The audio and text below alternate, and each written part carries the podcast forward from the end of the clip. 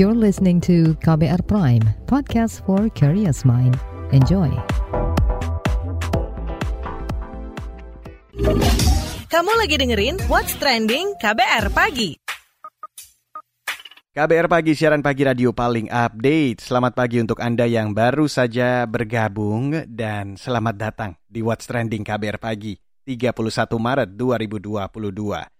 Pagi ini saya mau ajak Anda untuk membahas usulan dibentuknya lembaga pengawas independen untuk kasus kekerasan seksual.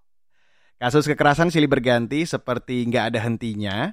Beberapa waktu lalu aja ada beberapa kasus kekerasan seksual yang mencuat. Di antaranya kasus pemerkosaan yang terjadi pada seorang anak perempuan berusia 15 tahun di Aceh oleh tiga pemuda. Nah, baru-baru ini terungkap juga 18 kasus kekerasan seksual di Kabupaten Tangerang yang akhirnya damai antara korban dan pelaku. Kasus ini diselesaikan dengan cara kekeluargaan dengan dalih pihak keluarga tidak ingin menambah rasa malu dan trauma.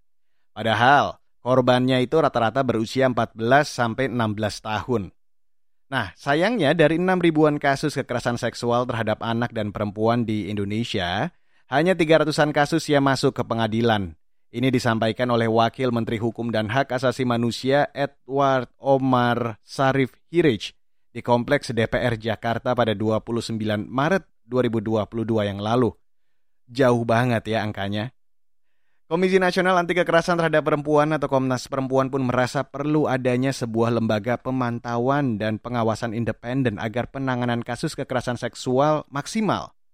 Karena itulah, Komnas Perempuan mendesak Dewan Perwakilan Rakyat Republik Indonesia dan pemerintah untuk memasukkan elemen pemantauan dan pengawasan independen dalam rancangan Undang-Undang Tindak Pidana Kekerasan Seksual yang sedang dalam pembahasan ini.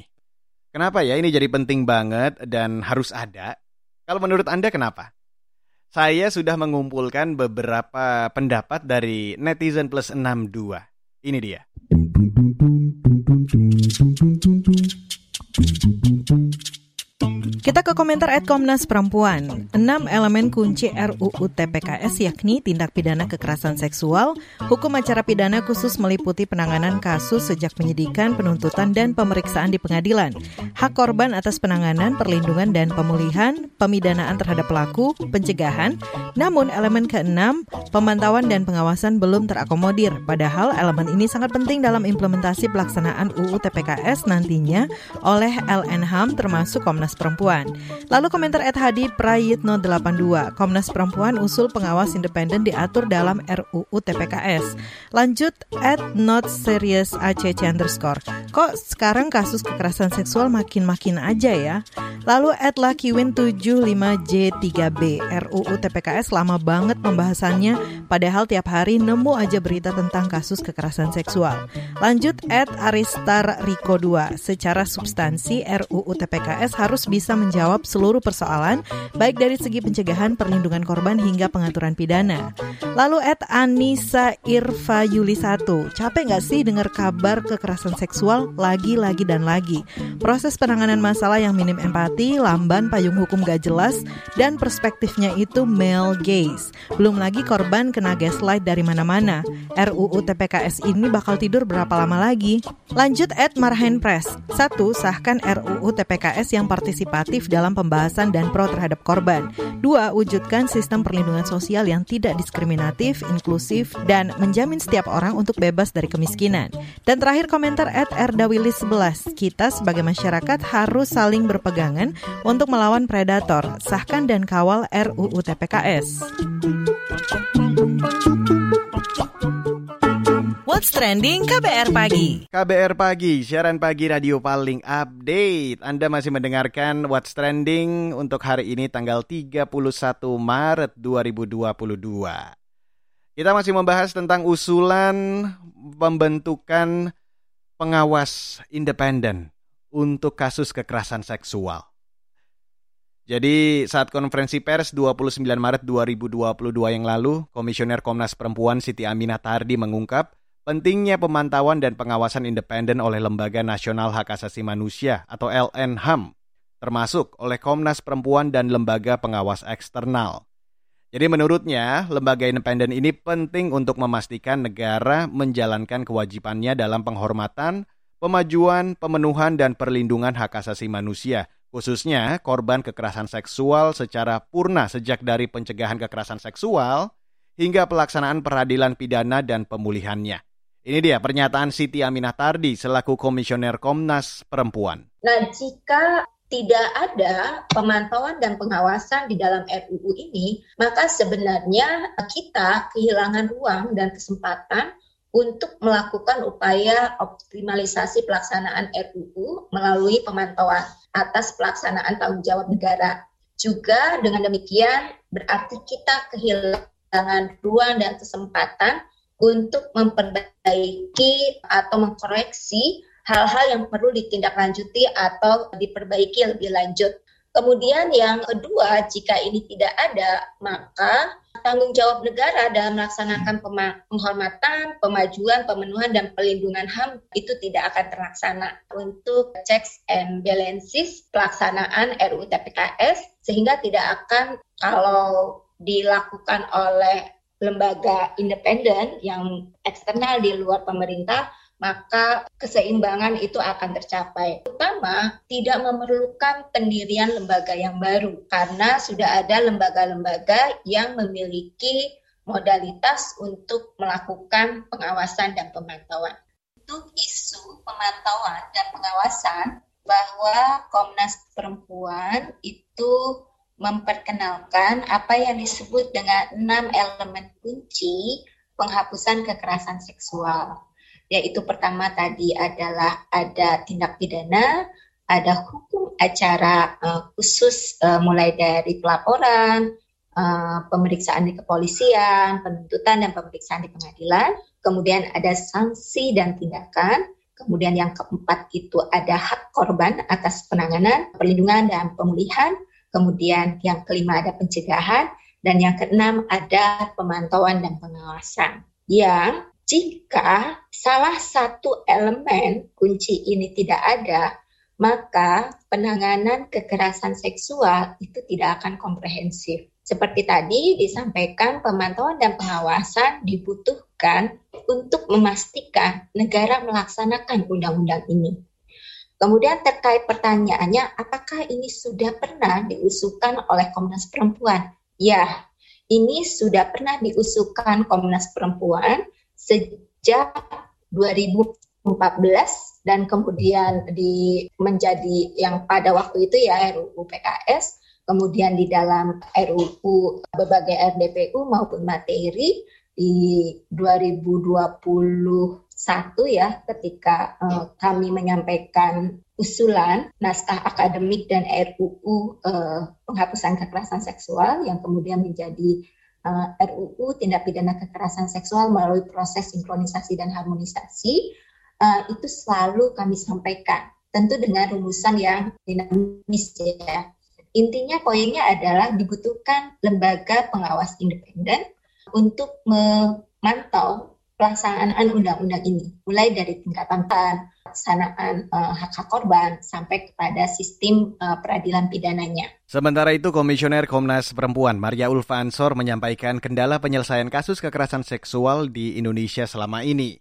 Menurutnya, sebuah undang-undang tanpa lembaga pengawas independen akan menyebabkan kekosongan hukum di mana implementasi hukumnya akan kurang terawasi dan berpotensi menimbulkan celah-celah penegakan hukum. Seperti apa usaha Komnas Perempuan mendorong DPR RI dan pemerintah mengakomodasi elemen pemantauan dan pengawasan ke dalam RUU TPKS. Ini dia penuturannya. Terkait dengan apa yang sudah dilakukan oleh Komnas Perempuan terkait dengan usulan pemantauan ini. Komnas Perempuan bukan tidak pernah menyuarakan. Gitu. Dari awal memang menyuarakan bahwa ini adalah elemen keenam ini maksud di dalamnya salah satunya adalah uh, Komnas Perempuan. Kemudian terakhir pada tanggal 24 Februari yang lalu Komnas Perempuan juga diterima audiensi dengan Ibu Menteri, Ibu Bintang. Kami juga menyampaikan juga gitu terkait dengan hal ini bahwa pemantauan eksternal itu menjadi sangat penting tetapi di dalam dua DIM ini, baik DIM pemerintah maupun DIM DPR itu tidak keluar pemantauan eksternal itu. Gitu. Padahal kita tahu bahwa di dalam proses implementasi atau proses-proses dalam pelaksanaan undang-undang ini sebelum ada undang-undang TPKS kan begitu rupa itu eh, banyak sekali pelanggaran-pelanggaran terhadap hak korban dan akses terhadap korban itu menjadi sangat sangat sulit gitu. Dan uh, data Komnas Perempuan juga menunjukkan bahwa dari dari seluruh pengaduan atau laporan terkait dengan kekerasan seksual yang masuk itu yang betul-betul bisa selesai di proses peradilan itu hanya sekitar 30 persennya gitu. Selebihnya itu rontok karena berbagai alasan, berbagai faktor gitu dan dan ini juga menjadi indikasi bahwa memang untuk mendapatkan akses keadilan bagi korban itu tidak mudah gitu. Banyak banyak hal yang yang di situ perlu di perlu dilakukan pemantauan bersama untuk perbaikan ya di masa yang akan datang supaya kejadian-kejadian sebelum RUU TPKS itu tidak terulang lagi pada saat RUU TPKS sudah disahkan gitu. Jadi kami sudah menyampaikan juga. Bahkan sebelum itu ketika tanggal dengan Ibu Puan Ketua DPR RI kami kebetulan berkesempatan diterima sama beliau. Selain Mbak Andi sebagai ketua sudah menyampaikan eh, kami juga menegaskan bahwa jika tidak ada pemantauan eksternal pelaksananya adalah pemerintah, pembuat kebijakannya ada pemerintah dan DPR gitu ya. Kalau itu hanya dilakukan oleh pemerintah dan pengawasan legislasi oleh DPR itu ya ibarat jeruk makan jeruk gitu. Jadi tidak ada celah untuk melihat kesenjangan atau celah untuk melihat pelanggaran itu nyaris tidak akan bisa dibuka gitu. Nah ini yang kami lakukan adalah sekali lagi pemantauan eksternal menjadi sangat penting dan itu sudah dilakukan sudah disuarakan sejak awal. Tapi kami juga tidak tahu mengapa kemudian di dalam tim pemerintah maupun di dalam timnya DPR juga tidak muncul. Dan selanjutnya di What's Trending KBR Pagi, saya mau ajak Anda untuk ngobrol bareng anggota Koalisi Masyarakat Sipil Anti Kekerasan Seksual atau Kompaks, Asfinawati. Sesaat lagi. What's Trending KBR Pagi. Newsbeat. Pebalap MotoGP dari tim Repsol Honda Mark Marquez resmi absen di MotoGP Argentina 2022 yang akan digelar di sirkuit Termas de Rio Hondo 1 hingga 4 April mendatang. Repsol Honda melalui situs resmi tim menyebut Marquez masih harus menjalani perawatan pemulihan penyakit mata di Plopia dan tidak mendapatkan izin dari dokter untuk tampil di MotoGP Argentina akhir pekan ini. Pihak Repsol Honda juga belum mengumumkan siapa yang akan akan menggantikan posisi Marquez di MotoGP Argentina, meski kemungkinan besar akan kembali menurunkan Stefan Bradl yang berstatus pembalap tes. Dosis lanjutan vaksin keempat COVID-19 disetujui untuk lansia berusia 50 tahun ke atas di Amerika Serikat.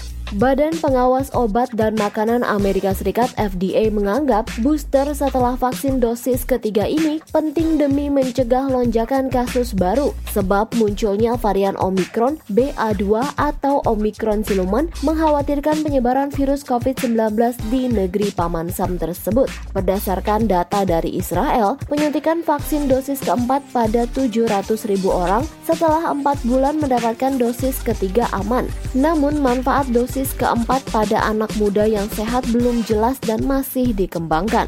Akibat tingginya antusiasme Beliebers, jadwal konser penyanyi Justin Bieber di Indonesia ditambah menjadi dua hari. Penambahan waktu konser ini menyusul cepatnya penjualan tiket konser yang bertajuk Justice World Tour 2022. Pihak promotor juga mengingatkan para penggemar Justin untuk membeli tiket di situs resmi agar terhindar dari penipuan. Sebelumnya, netizen plus 62 mengeluhkan situs pembelian tiket yang bermasalah hingga penipuan berkedok penjualan tiket Justin. Konser Justice World Tour 2022 akan diadakan di Stadion Madia, Gelora Bung Karno pada 2 dan 3 November 2022.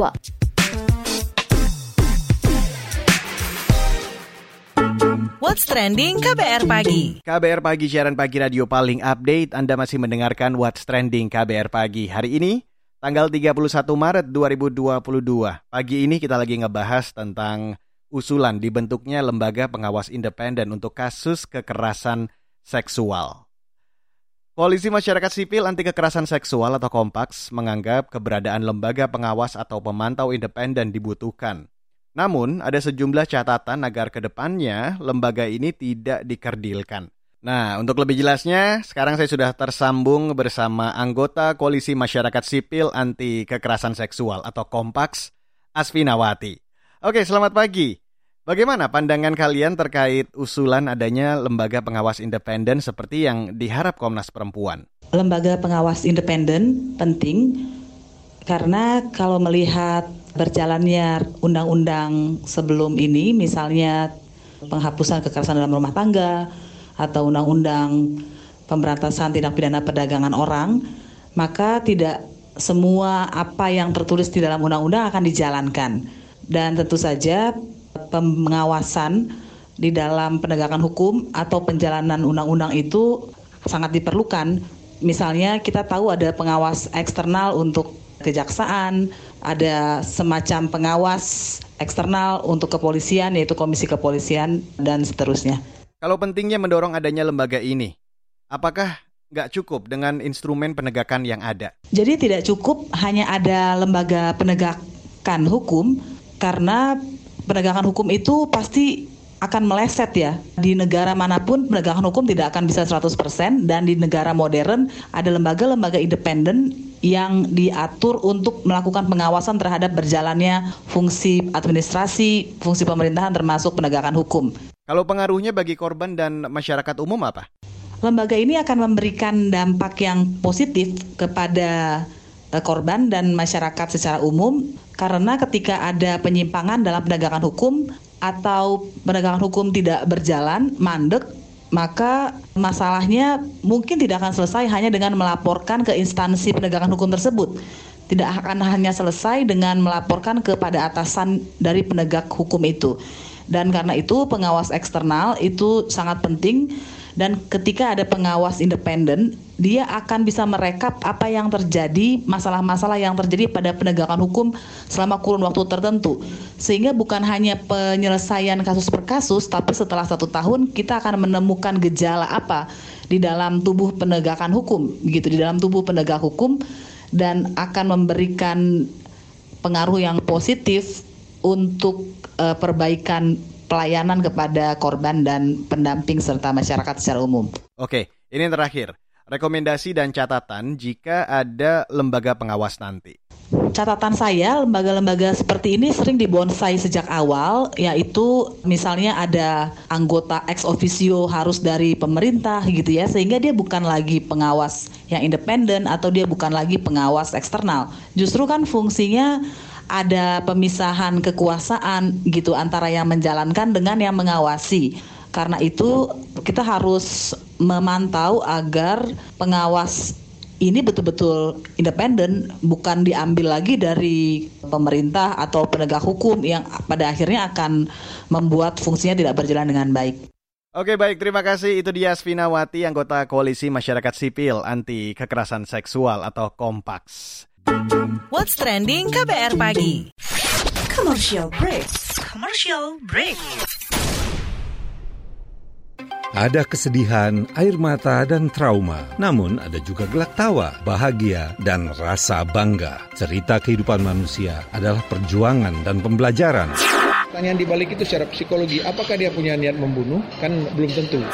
Saya kaget ketika ada konflik sesama orang Madura sendiri mengatasnamakan aliran keagamaan.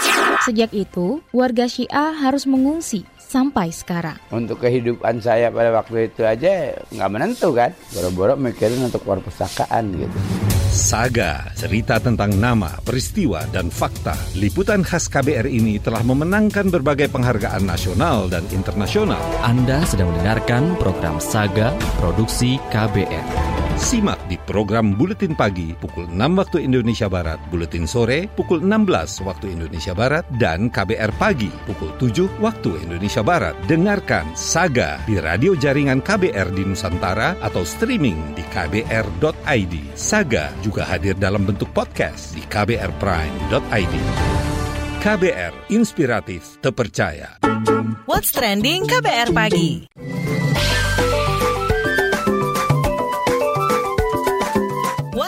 Indonesia. WhatsApp Indonesia dimulai dari Palembang. Seorang pria asal Palembang, Sumatera Selatan viral di media sosial usai melaporkan kasus penipuan ke pihak kepolisian. Pasalnya pria tersebut mengaku sebagai korban penipuan saat hendak membeli ganja. Pria asal Palembang itu mendapatkan amplop berisi tanaman hias dari transaksi pembelian ganja. Pria yang dikabarkan berprofesi sebagai tukang ojek ini viral lantaran videonya saat melapor ke kepolisian beredar di media sosial dan juga menjadi sorotan warganet. Sementara itu, Kasat Narkoba Polrestabes Palembang Kompol Mario Infani membenarkan kejadian tersebut pada 28 Maret lalu. Setelah diselidiki lebih lanjut, ternyata sang pria mengalami gangguan jiwa. Selanjutnya menuju Jawa Timur. Sejumlah orang di Kelurahan Kaliwungu, Jombang, Jawa Timur menjadi korban penipuan bermodus minyak goreng murah. Salah satu korban Atik Aliasi mengatakan ditawari minyak goreng dengan harga di bawah pasaran. Terduga pelaku beralasan minyak goreng murah tersebut dibeli langsung dari kontainer di Jakarta. Saat ini terduga pelaku berinisial ES sudah ditangkap polisi. Kasat Reskrim Polres Jombang Teguh Setiawan mengatakan sejauh ini baru ada dua orang korban yang melapor dengan nilai kerugian 150 juta rupiah. Dia memperkirakan ada belasan korban lainnya dengan total kerugian mencapai 1 miliar rupiah. Terakhir mampir Jakarta, Muhammadiyah melarang masjid dan musola yang berada di bawah naungannya untuk menggelar acara buka puasa dan sahur selama Ramadan nanti. Ketua Umum Pimpinan Pusat atau PP Muhammadiyah Haidar Nasir juga melarang pengurus masjid menggelar acara tadarus berjamaah maupun kegiatan lainnya yang berpotensi membuka masker atau para jamaah bertatap muka. Meski begitu, PP Muhammadiyah mengumumkan pengajian bersama bisa dilakukan tanpa acara makan-makan bersama. Kegiatan takjil juga diperingatkan untuk berhati-hati, menjaga jarak, tidak mengobrol, tidak berlarut-larut, dan di tempat terbuka agar terhindar dari penyebaran COVID-19. Selain itu, jemaah yang berkegiatan di rumah ibadah harus menggunakan masker KN95 atau jenis masker lain namun berlapis ganda. Jemaah juga diwajibkan sudah mendapatkan vaksinasi dosis kedua COVID-19. Sedangkan untuk takbir masih diperbolehkan dengan syarat tidak ada terindikasi positif COVID-19. Sementara itu untuk takbir keliling tidak disarankan. Demikian WhatsApp Indonesia hari ini. Itu dia WhatsApp Indonesia yang sekaligus menutup KBR pagi untuk hari ini, edisi 31 Maret 2022. Anyway, kalau Anda tertinggal siaran pagi hari ini, jangan khawatir. Karena Anda kembali bisa mendengarkannya di podcast What's Trending. Ada di KBR Prime, Spotify, Apple Podcast, dan tentunya platform lain tempat Anda mendengarkan podcast. Selamat menjalankan aktivitas hari ini. Ingat selalu patuhi protokol kesehatan di mana pun Anda berada. Terima kasih juga untuk tim yang bertugas pagi hari ini. Saya Reski Mesanto undur diri dari KBR Pagi. Salam. Terima kasih ya sudah dengerin What's Trending KBR Pagi. KBR Prime, cara asik mendengar berita.